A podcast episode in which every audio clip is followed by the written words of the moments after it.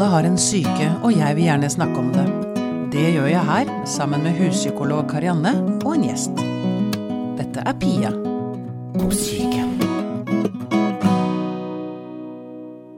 Jeg tenker du med jevne mellomrom tar deg selv opp til vurdering som terapeut, Karianne. Gjør du det? Ja, det gjør jeg. Er du noen gang redd for å gjøre vondt verre? Eh, ja, egentlig er jeg veldig opptatt av det, tror jeg. Mm. Bekymre, kan være bekymra for for det? Ja. Og Har du sett det noen gang? Opplevd det, Ja, liksom? ja, ja. du har det. Ja, spesielt, ikke sant? Jeg jobber jo i en kontekst hvor det er innleggelser, og det er ikke alltid innleggelser er det beste for noen, Nei, og da akkurat. kan vi jo se det. Ja. Så da må vi hele tida vurdere om dette er det rette. ja. Mm. Mm. Um, vi skal ønske velkommen til gjesten Jørgen Flor. Velkommen hit. Takk for det. Du er også psykolog. Mhm. Mm. Og du har skrevet boken 'Skadelige samtaler myten om bivirkningsfri terapi'. Ja, det stemmer. Ja, da skal jeg, sammen med Leif Edvard Kinnear. Ja, Ja, Stemmer det er v- v- Viktig å anerkjenne de som anerkjenner skal. ja visst. Ja. Hvorfor ville du skrive denne boken? Mange grunner. Eh, Det mest naturlige Denne ideen starta egentlig på studiet, i studietiden. Ja, Akkurat. Um, og så ble det min hovedoppgave um, på studiet. Og så tenkte vi, altså jeg og Leif da, hva gjør vi så? Mm. Det mest naturlige, eller det liksom mest nærliggende når man holder på å forske på noe, er å forske videre. Ja. Men det Foreløpig så har jeg ikke giddet det, rett og slett. Eh, og så tenkte vi, eller jeg tenkte egentlig, at dette er et uh, budskap som uh, kanskje fortjener å bli litt mer eh, kjent. Eh, og så har det blitt da, en debattbok. Et forsøk på å gjøre dette tilgjengelig for ikke bare innad i profesjonen og bransjen, men også utenfor. Mm. Jeg, da jeg først hørte om den, så tenkte jeg å nei, skal de ta fra meg det også? er det ikke sånn at det hjelper? Og det har jeg lyst til å si, det er noe dere skriver på slutten av boken. Det er større risiko for å ikke oppsøke terapi enn det er å gjøre det.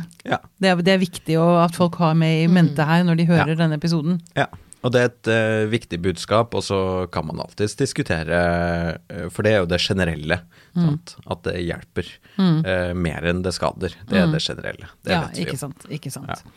Men det er altså én av ti som blir dårligere av terapi, Ja. ish. Det kan vi si, sånn Ish, cirka. ja. Tror det er et ok tall. Ja. Men så skriver dere også at hos noen psykologer er det opptil 30 Mm. Hos andre så er det bare 1-2 Ja. Jeg Ja. vil si, Hvordan har dere målt disse tallene? Det, har folk rapportert seg selv? Mm.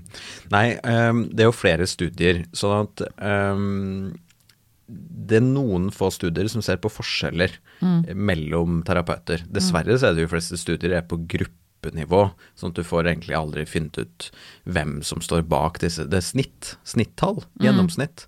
Og så får man egentlig aldri vite hvordan det ser ut med hver enkelt terapeut, da.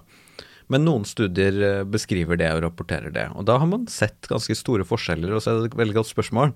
Eh, hvordan vet man eh, dette, da? Hvordan måler man? For man må jo bli enige om en eller annen måte å måle på. Eh, og det er ikke gitt at det er bare bare å si at ja, symptomreduksjon f.eks. er det målet med terapi. Det er jo ikke gitt. Men akkurat i denne studien, så vidt jeg husker, så er det nettopp det man måler. Symptomer, da. Sånn at Ja. symptomene går opp istedenfor ned. Ja, men du, du, dere ser det da hos pasientene? Ja, det er jo pasientene som Ja. eh, rapporterer det, at mm. de føler seg da, eller opplever seg da dårligere eh, ved avslutning enn Ja. de gjorde til å begynne med. Det det å begynne med. Ja. Det er jo noe dritt. Ja, Unnskyld, ja. det, men det er jo riktig. Det er jo riktig. Så det studiene viser det. Ja, ja. Mm. Er det noen grupper eh, som er mer utsatte holdt på å si, for å bli dårlige? Ja, eller alt dette som jeg sier om disse tingene, er jo sånn at boken heter jo 'Myten om'. Og, og det er klart at nettopp fordi at det kanskje er en myte noen steder, og man ikke har vært så opptatt av dette og forsker på det, så vet vi ikke så innmari mye, men vi vet litt. Og vi vet jo at øh, øh, etniske minoriteter, seksuelle minoriteter, altså minoriteter generelt, ser ut som er mer utsatt for å oppleve at de blir dårligere i løpet av terapi. Det er ikke dermed det blir veldig mange forbehold når man snakker om forskning, da. Vi prøver å la noen ligge, men, men ett må med, og det er, jo ikke, det er jo ikke sikkert at det er terapien som er årsaken. Så selv om vi skriver eh, selv om tittelen vår 'Skadelige samtaler', Mm. er jo ikke sikkert at det alltid er samtalene som er skadelige. På samme måte som det er jo ikke sikkert at terapien virker på grunn Eller folk blir bedre av at terapien virker. De kan ha fått seg en ny kjæreste, eller Så ting skjer i livet, da. Ja, ja. Ved siden av parallelt Ja. med terapien, selvfølgelig. Ja. Mm. Eh, Er det noen diagnoser som er spesielt utsatte? Nei, altså ikke som, ikke sånn ikke som vi kan slå fast, men det er klart når jeg har snakket med psykologer om dette, bl.a. til denne hovedoppgaven, så sier jo de ofte at liksom, traumer, rus, kanskje personlighetsforstyrrelser, de syns det er mer krevende og vanskelig. Så man kan jo tenke seg at det er en risiko der for at det er lettere at eh, pasienter ikke blir bedre og kanskje til og med blir verre. Men vi har egentlig ikke veldig sånn klar, eh, klart forskningsgrunnlag for å si akkurat den gruppen, akkurat den terapien blir dårligere. Vi vet for lite. Og det er det som engasjerer meg, da. At vi vet så lite om dette. Ja, nettopp. Og så har jeg bare lyst til å spørre også, er det noen å si, retninger innen For det, det gjelder psykiatere også, dette her, ikke sant? Ja, ja, all, te all terapi, tenker All jeg. Altså, mm. All psykologisk behandling er vel begrepet vi bruker, Ja. eh, og, og da dekker det mye. Ja. Men er det noen retninger som dere ser tendenser i? Altså, det finnes jo mange retninger innenfor psykologien. Ja. Noen som er mer eh, skadelige enn andre, eller Ja, i hvert fall noen- skadelige? Vi, vi, vi, mange kjenner jo f.eks. den Thomas Quick-saken, og kanskje noen husker eh, Bjugn-saken, og det har vært noen sånne opp igjennom, hvor man har eh, liksom avdekket fortrengte minner. Altså man har funnet noe i barndommen, og så har man funnet det i terapien. Sånn at terapien har kanskje bidratt til å avdekke noe som ikke fantes. Eh, såkalt sånn, så, så terapimetoder som prøver å avdekke fortrengte minner, det ser ut som er ganske risky. Ja. Mye også fordi at de, antakeligvis ikke fins fortrengte minner på den måten som disse terapiformene tror. Og så finnes det andre former som, som, som f.eks. å gi eh, Og dette er et begrep som mange bruker på forskjellig vis. eh, men debrifing, eh, det å skulle gjennomgå en traumatisk hendelse rett etter hendelsen, med fokus på mye følelser, med fokus på, på måte, Nå sitter vi her og deler av hvordan vi opplevde dette raskt etterpå. Det ser også risikabelt ut. Ja, det hørte jeg. Vi hadde en fra, som opplevde Alexander Kielland-ulykken. Da Ja. snakket vi om det. Ja. At det har de funnet ut at det For det, ble, det, det gjorde de den gangen. Ja. Men det har de kommet til at det ikke mm. Men jeg tenker på sånn, altså psykoterapier som i det hele tatt er nokså ustrukturerte. Ja. De har, er vel, har vel kanskje vist seg ikke være veldig virksomme. Altså Kanskje det fagfeltet jeg kjenner aller best, da, ikke sant, spiseforstyrrelser. Der har de jo gjort en Det har blitt en sånn klassisk studie hvor de har sammenligna kognitiv terapi med psykoanalytisk orientert terapi. Eh, med, med den her litt sånn Eh, det, det, altså hvor det er fri assosiasjon, da, og hvor man tenker at eh, Og hvor terapeuten er nokså stille. Eh, hvor man tenker at det som skal være helende, er å få bearbeida indre konflikter på en eller annen måte. Eh, og så er det jo de som har eh, Det interessante med den studien, er at de som designa studien, definerer seg i en psykoanalytisk tradisjon. Og så ser man jo at kognitiv terapi hadde jo eh, helt ekstremt mye bedre effekt oh, ja. eh, på spiseforstyrrelsessymptomer, som da var utfallsmål, da, det man bestemte seg for at det er det vi skal jobbe med, enn psykoanalytisk terapi. Eh, men så har det da noen som i Tyskland som gjorde en annen studie, men liksom litt, litt av den samme, men det de gjorde med den psykoanalytiske terapiformen, var at de strukturerte den. De hadde en fokusert psykodynamisk terapi, Ja. hvor de både hadde en tanke om hva er, det, hva er de opprettholdende faktorene for denne lidelsen, hvilke virkningsmekanismer er det vi tenker som skal ha effekt. Og da ser du at det, eh, de kommer ut ganske likt, da. Mm. Så det er jo liksom noe med det der å ha en idé om hva er det jeg faktisk skal behandle her. Ja. Eh, hvordan er dynamikken i fenomenet jeg behandler, og hva er det jeg skal tenke skal være målet med den behandlinga jeg skal gi. Det må jo terapeutene ha et klart begrep om Ja, ja, ja. i utgangspunktet, kan man tenke. Ja, ja. Um, så- men så tenker jeg det, altså det finnes jo uh, Det finnes jo dårlige terapeuter der ute. Helt klart. Altså, Som i alle andre bransjer. som i alle andre bransjer. Og vi blir verre med åra, Ja, for det, det tenkte jeg også på. Det, det er ikke noe pålegg om videreutdanning innen psykologi eller psykiatri? Ja, det, jo, Er det det? det er jo på et vis det, men, men eh, det er klart at man, og det er jo noe av poenget her, man har vært veldig lenge veldig unnfallen på å se på den enkelte terapeut og resultater hos den enkelte terapeut. Jeg husker jo fra studiet selv. Det var sånn, vi skulle, og det var fint det, vi skulle prøve oss, vi skulle få noen ekte pasienter, og så skulle vi bli observert, og vi skulle drøfte dette. Men det var jo aldri noe eksplisitt snakk om eh, hvordan går det. Sant? Man, man, man, man drøfter det, og hele blir litt sånn ullent og vagt.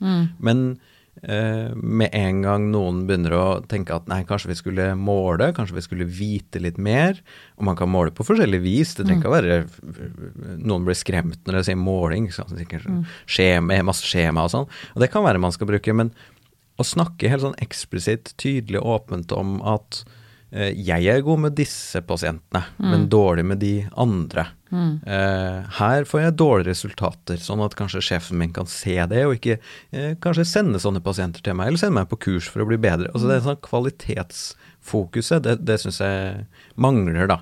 Og da er jo vår metode her å snakke om at eh, ikke bare trenger man fokus på at det går bedre, men man trenger fokus på når det går gærent. da. Ja, ikke sant. Sånn at ikke, mm. Men, men det er jo, for det er jo, det er jo studier som ser på terapeuteffekter. Altså det er ikke tull Ja. det jeg sa i stad, at vi blir dårligere med åra. For de har sett på terapeuter og fulgt dem over tid, og ser at de terapeutene som er nybegynnerterapeuter, som er nyutdanna, de får større effekt med pasientene enn de som har jobba i mange år. Ja, Mm. Ikke sant. Det er vel kanskje ikke så unaturlig at man liksom faller inn i et mønster, og så går man, tråkker man det mønsteret, liksom. Eller tråkker de stiene man er vant til. Mm. Og ikke da er åp like åpen for nye mennesker, da. For vi er jo individer som går i terapi. Altså et kjempekrevende fag. Sånn at ja, på et eller annet tidspunkt så skal du gå hjem klokka fire, og, og så er det på en måte jobben din, eh, og jobben er slutt. Og så, og så, og så det, det, det er strevsomt å skulle hele tiden jobbe med kvalitet og forbedre seg og evaluere seg, alle disse tingene her. Eh, og spesielt når det hele er litt ullent, fordi hva er det du evaluerer hvis du evaluerer en terapeut, da? Du evaluerer jo ikke en metode, egentlig. Du evaluerer jo en person. Ja, du evaluerer jo deg selv. Eh, og det, det gjør det krevende å skulle ta inn over seg. Så, så, vi sa så vidt innledningsvis her, da, sånn, det å skulle vite at jeg kanskje har gjort noe som gjør et annet menneske dårligere, det er ganske er tøft og vondt og skamfullt. Så, Jeg tenker på det du sa, det er øh, merkelig å si kanskje, men det du sa om at man blir dårligere i morgen. Jeg har også opplevd kanskje at lærlingfrisører er mye flinkere enn de gamle frisørene, holdt jeg på å si. Fordi de er så mye mer opptatt av å gjøre en bra jobb, da. Det er vel kanskje det samme mekanismen. Nå er ikke det så farlig om du går ut litt skamklippet, selv om det kan være en vond opplevelse. ja. Men det setter ikke så ikke så dype spor. Nei, la, på, på lang sikt så er det jo ikke det. altså, I hvert fall mer konkret. Ja. ikke minst, ikke minst. Eh, og kanskje lettere å klage òg. Ja, ja. Fordi er det vanlig at pasienter klager? Enten til terapeuten eller andre instanser, liksom? Jeg syns det er et vanskelig spørsmål, fordi at jeg skulle til å si, det er jo litt sånn fint, da. Eh, Mange terapeuter tror jeg snakker mye om hvordan var forrige time, og hvordan var, er det å være hos meg. Og da rommer du jo på en måte klaging. Men hvis vi tenker på klaging som mer sånn 'dette gikk skikkelig gærent, og den terapeuten der skal jeg aldri mer til', eh, tenker man det, så tror jeg man klager. Det jeg er mest opptatt av, det er de som tenker at de selv har gjort noe feil. Altså, jeg sviktet terapien. Nå gjorde jeg det igjen. Jeg fikk det ikke til. Altså, nå skal du pasienten. Pasienten. Ja, og da, da er det klart, da klager du ikke. Hvis du tenker at det, det selv er noe gærent med. Da klager du på deg selv, da. Ja, da, klager du, da fortsetter du med det du mest sannsynlig kom til terapi for. Ja. Du klager og ser på deg selv i et negativt lys. Går du gjennom en terapi som ikke funker, hjelper deg, eller kanskje til og med er dårlig for deg, og så tror du at det er din skyld. Så jeg er bekymra for mørketall Ja. på grunn av nettopp det. Ja, ja. Har du noen sånne typiske gjennomgående historier? Altså er det altså Ja. når man blir dårligere? Ja, jeg tror nok litt av poenget med boken er mangfoldet av historier. Men samtidig så tror jeg hvis vi tenker på de rene terapihistoriene, så tenker jeg det er rammene som ikke funker. Altså man har ikke avklart hva man holder på med, det trekker ut i tid eller blir noe helt annet enn man trodde man begynte med. Eh, og så har du det litt mer sånn grenseoverskridende, da. Eh, terapeuten sier ting som er over kanten, gjør ting som er over kanten. Eh, men jeg tenker mye på rammer, eh, og jeg tenker også på eh, at det er lett å gå seg blind på at det er noen metoder eller en måte å være på. Men jeg tror at det er nok du har nok ganske stor frihet som terapeut til hva du kan gjøre, så lenge du er ganske åpen og gjennomsiktig på hva du holder på med. Ja. Men hvis du sitter med en eller annen agenda som du ikke avslører, hvis du Ja. Mm. eh, så er det lett å bli forvirret som pasient, tror jeg. Mm. Jeg har fått et graverende eksempel i boka di. Mm. Um, Bare ett? Ja, nei, ja. Um, nei, det var ett som gjorde veldig Ja. inntrykk på meg. Og det var denne kvinnelige psykologen som um, Hvor pasienten måtte sitte naken under timene. Ja. Og tok henne med ut i skogen, tok Ja. med pasienten ut i skogen hvor mannen skulle ule som et dyr og måtte være der i to måneder. Altså det, helt, det høres jo helt høres ut som en sånn krimroman. Ja. Og det er jo noen sånne opp gjennom åra. Dette er jo en sånn kjent, eller kjent og kjent, en sak som var i offentligheten. Og det er jo det er jo noen sånne type, jeg ville kalt det litt sånn helsetilsynssaker, tilbakekall av autorisasjon-type saker, som er veldig lett å, å, å legge merke til. Og, og de, er jo, de er jo med de historiene, og de er for så vidt ekstreme. Jeg er opptatt av den litt sånn jevne terapeut. da. Jeg er helt sikker på at, altså Jeg har aldri gjort noe som ligner på det der, selvfølgelig. Eh, men jeg har helt sikkert gjort noe som jeg helt ikke har catcha selv som terapeut. Så alle sammen har et eller annet de er litt dårlige på, det ikke funker så godt på. Eh, et eller annet mønster de går inn i som kanskje ikke funker så bra, mm. og som kanskje ikke gjør verre. Jeg er mer og mer opptatt av det, altså den jevne terapeuten som egentlig er ganske flink, men som har noen blindflekker. da. Men det jeg lurer på, det er, med tanke på tittelen i boka deres, det er om, om det egentlig er en myte. Fordi, fordi jeg tenker sånn eh, altså den, Dette her med at vi, det er liksom 10% blir verre i terapi, det, ikke sant? Og, og det er jo studier som viser at vi er jo for, helt elendige egentlig til å eh, reflektere over vår egen rolle som terapeut, men vi og tenker egentlig at vi får til ganske bra. Mens andre terapeuter egentlig ikke er så gode. Det, det, Ja, det er de andre. Ja, det er de andre. Men så tenker jeg sånn, så er det egentlig en myte i standen vår? Det er jeg faktisk litt usikker på. Ja. En, en myte, hva da? At uh, terapi kan være skadelig, da, eller terapi Ja. ikke nødvendigvis har effekt også. Ikke bare at det ikke har effekt, men at noen kan bli verre. Ja. Ja, ja, ja, det kan du spørre om. Jeg kan for så vidt svare, fordi at jeg tenker at det både og. Mange steder så er det ikke en myte, for at dette skjønner man. Og, og veldig mange skjønner intellektuelt sett dette også, uten at man klarer å konkretisere det i egen praksis. Men så har vi da ganske innledningsvis, så skriver om f.eks. amerikanske psykologforeningen, som sier at i motsetning til medisiner, så er psykoterapi bivirkningsfritt. Dette sier de Ja. i en video som ligger på YouTube. Altså Dette er en av de mektigste institusjonene i hele verden hva det kommer til psykoterapi. Og, så, og så finner vi mange sånne eksempler i Sverige, i Danmark, i Norge. Autoriteter eller organisasjoner som påstår det samme. Og jeg tror, jeg tror ikke de helt har reflektert over det de sier. Jeg tror nok at hvis du hadde spurt dem ja, men hallo, eh, stemmer dette egentlig, så ville de gått noen runder og sagt nei, nei, det gjør jo kanskje ikke det, vi vet jo at det finnes en risiko. Så måte så er det kanskje ikke en myte. Og så har vi andre studier da, som spør som spør eh, undersøkelser sant, blant psykologer, ikke norske for så vidt, men svenske og noen amerikanske, som sier at eh, ja, hvor ofte blir pasienter dårligere hos deg da? 50 ikke sant, sier nei, det skjer ikke.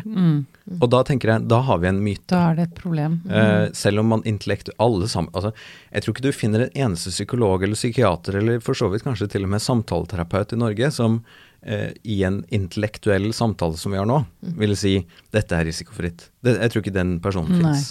Men det fins mange personer, hvorav flere vi har intervjuet, eh, som sier at de ikke finner noen i egen praksis.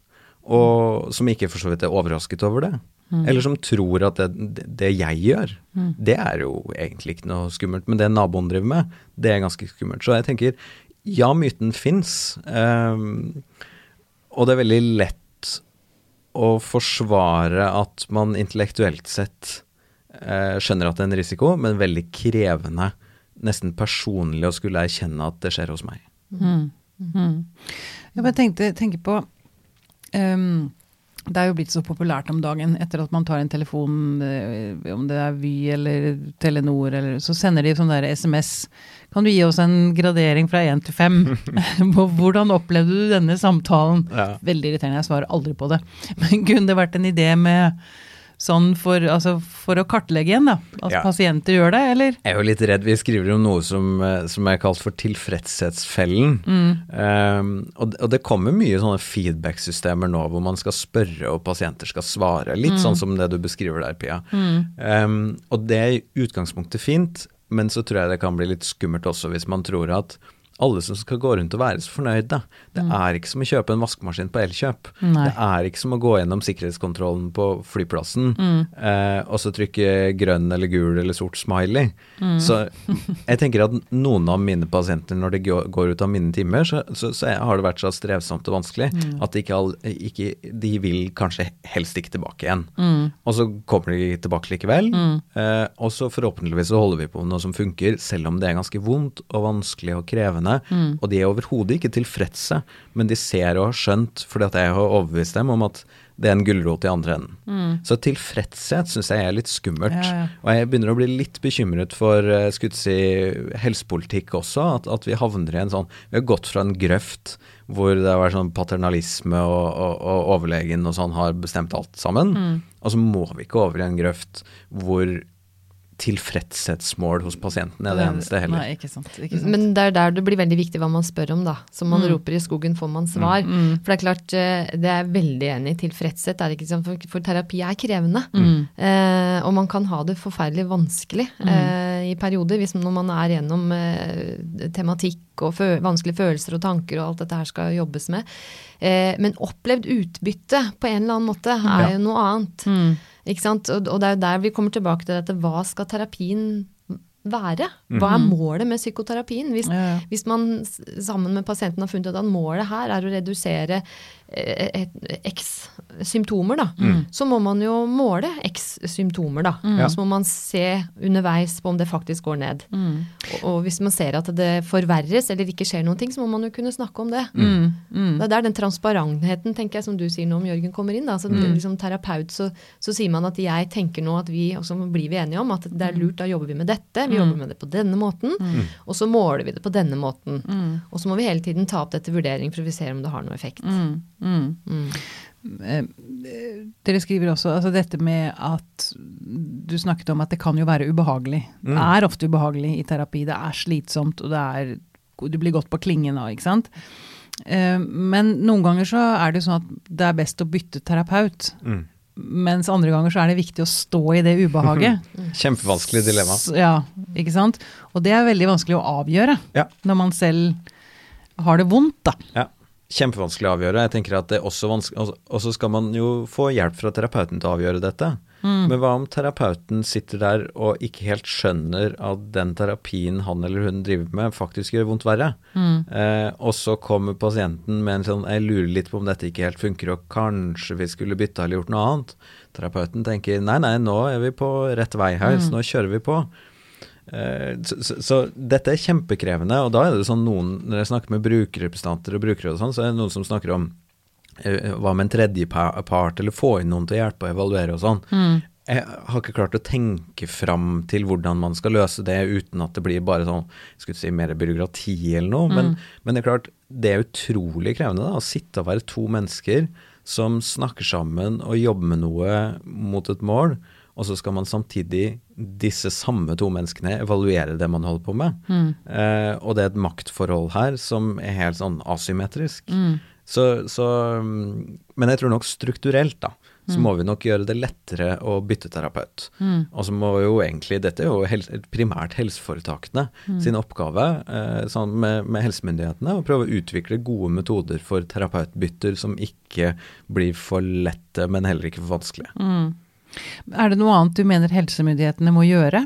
Ja, jeg mener jo de må gjøre masse. Ja, få høre. Eh, nei, jeg tenker um, Dette ble et eh, hopp nå, da, men jeg har blitt mer og mer opptatt av dette prosjektet. Jeg har holdt med det i seks-syv år nå. Så jeg har blitt mer og mer opptatt av kultur. Uh, og kanskje mindre og mindre opptatt av uh, å innføre noen skjemaer, sånn at vi har kontroll og målinger. Det tror jeg også må med, men jeg tror det må med på, på terapeutenes premisser, sånn at de ikke føler seg overstyrt.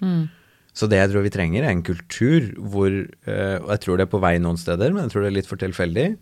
Eh, vi trenger en kultur hvor terapeuter virkelig er genuint opptatt av eh, sine egne resultater. Mm. Og, og, det å kunne tørre å se hvis det går gærent, og, og, også få feedback på hvis det går bra.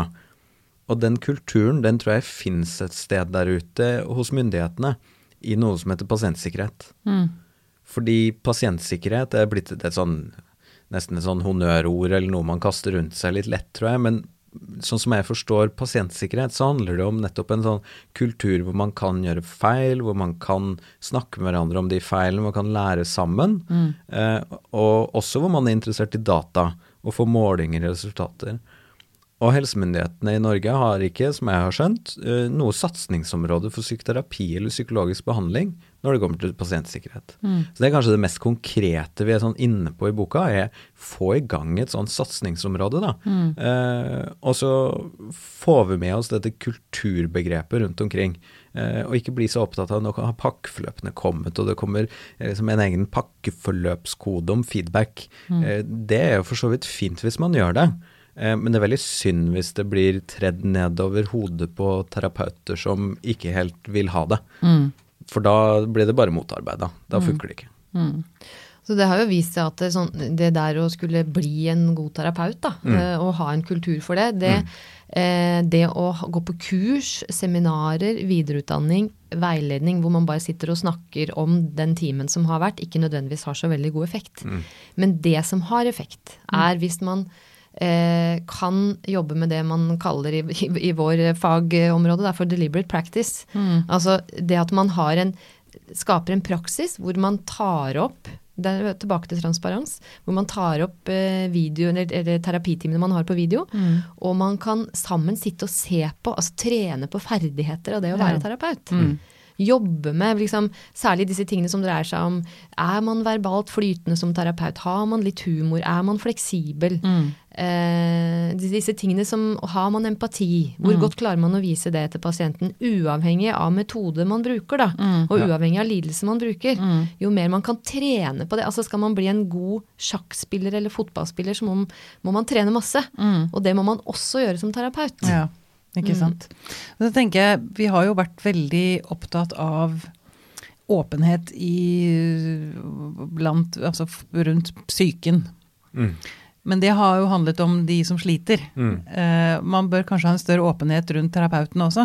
Ja, det tenker jeg absolutt. Og jeg tenker at uh, hele dette begrepet med deliberate practice, det, det, begynner å komme noen kulturer hvor terapeuter er veldig opptatt av dette, mm. og det er veldig fint. Og så vil jeg bare ha med en sånn liten inn der, så vil jeg jo ha med en sånn Og noen ganger så går det verre, og det må vi også kikke på. Mm. Fordi at det er ikke nødvendigvis sånn at man kan kikke på å gjøre bedre, men man må nok også kikke litt samtidig på det, hvordan det er å gjøre verre. Og hvis man får med dette inn i den kulturen, det tror jeg er ganske lett, for jeg tror det er ganske åpne folk som holder på med det, mm.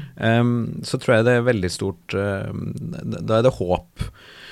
Og så er utfordringen, da, hvordan få med seg alle sammen. Mm. Fordi det er alltid noen sånne som leder an i en sånn type utvikling. Og det tror jeg vi ser nå i fagfeltet vårt, at noen leder an i dette. De ser seg selv på video, de er virkelig opptatt av resultater, de trener og øver og alt dette. Mm. Men majoriteten gjør det nok ikke. Mm. Og det ser vi også på studier fra disse feedback-verktøyene, som det henger litt sammen. da. Mm. At veldig mange terapeuter i, i, i, internasjonale studier, de bruker ikke disse feedback, eh, det de får feedback om til noe. Mm. Altså Det blir bare sånn passiv, et passivt skjema som kommer inn fra sida. Det er jeg livredd for. Ja, akkurat. Hvis man har blitt utsatt for Jeg bare tenker, jeg, jeg bare tenker på det, sier jeg så ofte, det må jeg slutte med. Uh, jeg ble utsatt for skadelig terapi, men det var en alternativ type mm. terapi. Jeg mener at det var de som drev meg, og, altså, som gjorde at jeg ble tvangsinnlagt. Mm. De rev meg i stykker. Mm. Uten å sette meg sammen igjen. Men hvis man blir altså, Og det er jo Det finnes jo sikkert andre ekstreme eksempler som det der. Mm. Eh, at man faktisk blir påført et nytt trauma av, eh, av, terapien. Ja. Um, men hvis man blir verre, ja. så er ikke det uopprettelig skade som blir gjort. Nei, for så vidt ikke. Det skumleste er jo for så vidt hvis man mister all troen på helsevesenet. Og så blir man sittende utenfor da, med disse mm. skadeeffektene, eller hva vi skal kalle det. Mm. Og, og, så har man ikke noe, har man ikke noe ivaretagelse rundt seg, og man har mm. mistet litt troen på helsevesenet. Det er jo en veldig skummel kombinasjon. Mm. Men, jeg, men, jeg, ville jo tenkt at eh, de aller fleste terapeuter hører jo historier om hvordan den forrige terapeuten var.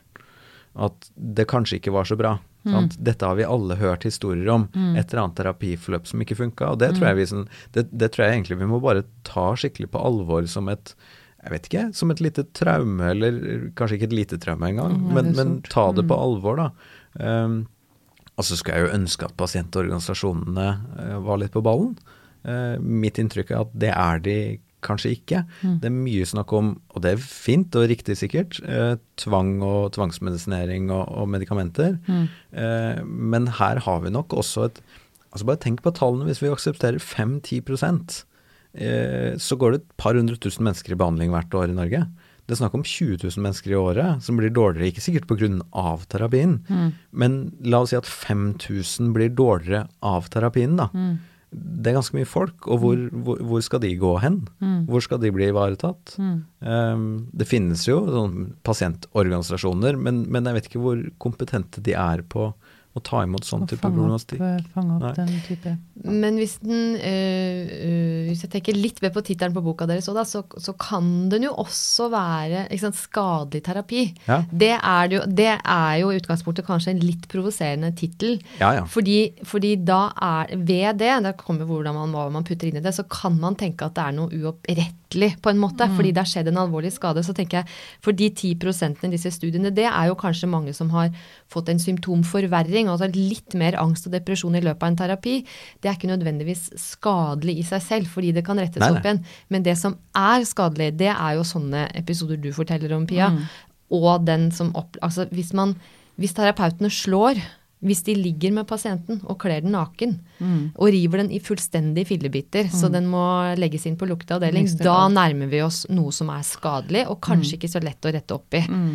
Eh, men, ja, jeg tror jeg ville hatt med mer utvidet enn akkurat de Hvordan vil du definere skadelig?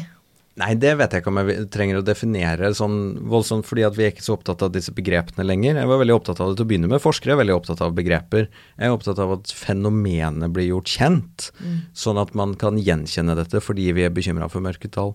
Men det er klart, jeg tror disse liksom store, voldsomme tingene, de har vi kjent til. De hører vi historier om, sånn som eh, Pia nevnte, med, mm, ute i skogen og ule og sånn. Mm. Men jeg er opptatt av de, liksom, de, litt mindre umerkelige tingene som skjer over lengre forløp. De litt sånn relasjonelle, eh, man kan kalle det overgrep, da. Eh, som er vanskelig å oppdage for begge parter. Som, som hva da? Nei, la oss si at du går i, i, i lang tid da, eh, til en terapeut som som hele tiden betviler din virkelighetsoppfattelse, f.eks. Ja. Som har sin teori om hvordan dette henger sammen, mm. ikke avslører hva vedkommende tenker. Mm. Så du blir mer forvirret. Du tror kanskje at terapeuten er opptatt er den eneste som kan hjelpe deg, mm. eh, som en slags sånn hellig person som er den eneste du kan gå til. Litt avhengig? Litt avhengig, f.eks. Mm. Um, man kan bli helt sånn indoktrinert i et sånn patologisk måte å forstå seg selv på. Mm. Eh, ved hjelp av diagnoser, men også ved hjelp av sykdomsbegreper. Så det finnes, og, det tror jeg er liksom hovedpoenget vårt, at det trenger ikke å være voldsomt alvorlig og somatisk og inngripende og invaderende. Det kan være uh, lite. Det kan være lite over lang tid, det kan være lite over kort tid. Mm. Uh, og dette har vi ikke snakket så mye om. Mm. Og, og, selvfølgelig, jeg tenker på tittelen, selvfølgelig er den provoserende. Vi skal selge, selge en bok. Mm, ja. eh, sånn at eh, det Og skape diskusjon, ja, ikke minst. Og det, det handler ikke primært om skadelig terapi. Det handler om hva som kan skje i terapi. Det handler om at pasienter blir dårligere. Skadelig terapi, hvis vi skal ta begrepet sånn forskningsmessig på alvor, det, det betyr at da vet vi at er terapien som er skadelig. Eh, det vet vi veldig sjeldent, på samme måte som vi vet at det er terapien som fungerer og er årsaken til at det går bra. Mm. Men når vi snakker om det positive, så er vi litt sånn, da er vi litt mer lemfeldige og lettere med begrepene. Da kan vi som terapeuter ja ja, terapien hjalp. Nei, du vet jo egentlig ikke om det var terapien mm. som hjalp. Så vi må ikke være, Det har jeg blitt litt sånn opptatt av de siste ukene når vi har holdt på og debattert dette, at jeg er ikke så opptatt av språket lenger. Jeg er opptatt av fenomenet. Kall det hva du vil.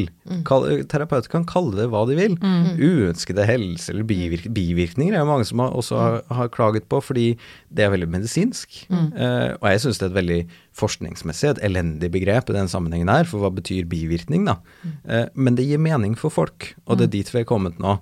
Eh, det må gi mening for folk der ute. Og det er derfor jeg har skrevet en bok. Mm. Eh, ikke til, det er ikke en fagbok til terapeuter. Mm. Sant? Det er ikke en akademisk bok. Nei. Men det, det er veldig fin eh, nyansering, og viktig nyansering, tror jeg faktisk. Fordi man kan jo tenke at eh, hvis man er en nybegynner, helt nybegynnerterapeut, da, eh, og man og man kan, også kan jo språk få en form for definisjonsmakt også. Så hvis man skal som nybegynnerterapeut møte noen som virkelig, virkelig strever med sine liv, og jeg skal få en selvforståelse om at det jeg gjør, gjør skade, så kan jeg bli en veldig dårlig terapeut, faktisk. Ja, det, det vet jeg ikke om jeg er helt enig i, fordi jeg tenker at det- legene har forholdt seg til dette i mange år. At de kan gi medisiner som gjør skade, eller som gjør verre. Sånn, jeg, jeg, tror, jeg, jeg tror at der må vi forbi. Og jeg tenker at vi må forbi det på den måten at jeg som terapeut jeg forvalter et fag og noe som ikke har masse sannheter i seg. Det er litt usikkert da. Det er et usikkert prosjekt. Og noen pasienter blir bedre eh, mens de går til meg. Forhåpentligvis kanskje også noen av å gå til meg. Noen får ingen effekt. Egentlig en stor, stor andel får ikke noe utbytte. Eh, og så er det noen da som faktisk blir dårligere til og med av det jeg gjør. Altså det jeg gjør kan skade. Jeg tenker det er helt sånn det ligger i at vi har disse potente, virksomme intervensjonene våre. da. Eh, sånn at Hvis vi har tro på at terapi har effekt, så må vi også tro at terapi har negativ effekt. Jeg tenker det, må vi, det må vi komme oss gjennom og over og rundt, sånn at vi kan snakke fritt om det. Sånn at ikke jeg går hjem. For jeg er helt enig i at akkurat nå så tror jeg vi er der at eh, det er veldig vanskelig å gå på jobb som terapeut og ta inn over seg det at man kan skade noen. Jeg tenker det er helt reelt. Heldigvis ikke så høyt forekommende hos de fleste, tror jeg, men jeg tror det er helt reelt. Så, så jeg tror vi må, vi må bare reflektere oss inni det der og få et språk til å snakke om det. Jeg, tror, jeg tror det kommer an på hvor stor eh, plass tar den opplevelsen i en. Fordi vi veit jo også det at veldig mange av som Det, det har vi jo snakka om i podkasten før, om det med imposter syndrome. Altså veldig mange, ikke sant, jeg tror det var noen studier som viste 93% kvinner da, eh, som hadde tatt en høyere akademisk utdannelse, så eh, var dette imposter syndrom ganske fremtredende. Altså det Ja, at man, ikke sant, ikke, man tror at man er en failure, og at man ikke får det til, og at man bare har lurt seg fram dit man er. Så, så, så hvis man skal ikke sant, man, man skal jo eh, kunne klare å ha en nyansert, refleksiv eh, mentalisering rundt seg selv som terapeut. Da. Og der tror jeg at hvis, hvis det tar for stor plass at man gjør skade, så Ja. tror jeg man blir en dårlig Som terapeut. blir redd, ja. ja, Ja, det tror jeg. Ja, og det, men der tror jeg, der opplevde jeg at når jeg snakka med erfarne psykologspesialister, da, så er det nettopp det som skjer. De blir litt redde for dette. Og da tenker jeg, da er det noe med kunnskap, da, er- da er det noe med utdanning. Fordi jeg ble også drilla på min utdanning til å gjøre godt, eh, å gjøre riktige ting, og gjøre gode ting. Men det var ikke så mange som snakket om risikoen for at jeg faktisk gjorde noe feil, og noe gærent, og at det kunne skade. Så jeg tror vi, jeg tror vi løser det dilemmaet, som jeg, jeg liksom er helt enig i at kan komme. Jeg tror vi løser det dilemmaet ved å, ved å ha denne debatten helt sånn eksplisitt. Da. Og, og så, altså for, hvis man skal ta det helt eh, til ytterpunktet så er jeg ikke så veldig bekymret for om noen terapeuter syns at det er vanskelig og krevende at de kanskje gjør skade. Jeg er mest eh, opptatt av pasientene. Så, så de terapeutene som kanskje ikke klarer å forvalte risikoen for at de gjør skade, bør jo kanskje rett og slett finne seg noe annet å gjøre etter hvert. da. Ja, men det bør vel inn i utdanningen? Er det i utdanningen? varierende og tilfeldig. Ja. Sånn som det er rundt Hele dette temaet er litt sånn varierende og tilfeldig. Sånn at eh, helt eksplisitt, tydelig diskusjon om de tingene vi snakker om nå, tenker jeg burde vært på agendaen. Og så kan man kjenne litt, da. Hvordan føles det? Hvordan oppleves det å kanskje skulle gjøre skade? Hvis man ikke Jeg vet ikke så mye om kirurger, men, men de kan jo miste pasienter på operasjonsbordet. Til og med fordi at de gjør en feil. Eh, noen tåler kanskje ikke det, eh, og finner seg noe annet å gjøre. Mens andre lærer seg å leve med at sånn er det. Og jeg tenker at selv om vi ikke er kirurger og det er ikke så dramatisk, så, så, så bør det på en måte inn. da. Den samme bevisstheten. Og det er egentlig etikk, det Ja. vi snakker om. Ja. Bra. Er det noe du føler du ikke har fått sagt her, Jørgen, som er viktig å løfte frem? Nei, jeg syns vi har dekket mye, og jeg er veldig glad for at vi snakker om dette med sånn skyld og skam og følelser inni terapeuten, fordi at det tror jeg er ganske viktig i den diskusjonen her. Mm. Mm. Ja, ikke sant. At terapeuten sitter selv og føler Kjenner på dette. mm. Og jeg tror jeg møter litt defensivitet når jeg snakker om det her, på grunn av noe av det. Og jeg kjenner jo også på det selv, sant? at jeg satt her og skrev denne boken før jeg gikk på jobb, og så går jeg på jobb, og så er ikke det perspektivet om skade nesten med meg i hele tatt. Fordi mm. at jeg har mer enn nok med å bare komme meg gjennom dagen og levere noe som er ok. Mm. Og det syns jeg sa litt, hvor, hvor tydelig jeg måtte nesten skille dette temaet fra resten av praksisen min. Mm. Eh, og sånn håper jeg at eh, nyutdanna terapeuter som nå bare blir flinkere og flinkere og flinkere, mm. skoleflinke, ikke sant, mm. at de kan få Vi må senke skuldrene litt. Mm. mm. Og ikke være så redd for å bli filma og bli sett i korta. Mm. Jeg tror Nei. det er helt avgjørende. Vi, vi, kan ikke sitte aleine på vårt terapirom resten av yrkeslivet når man er terapeut. Nei. Da må noen andre inn og se. Veldig bra. Mm. Veldig bra. Jørgen Flor, tusen takk for at du kom til oss.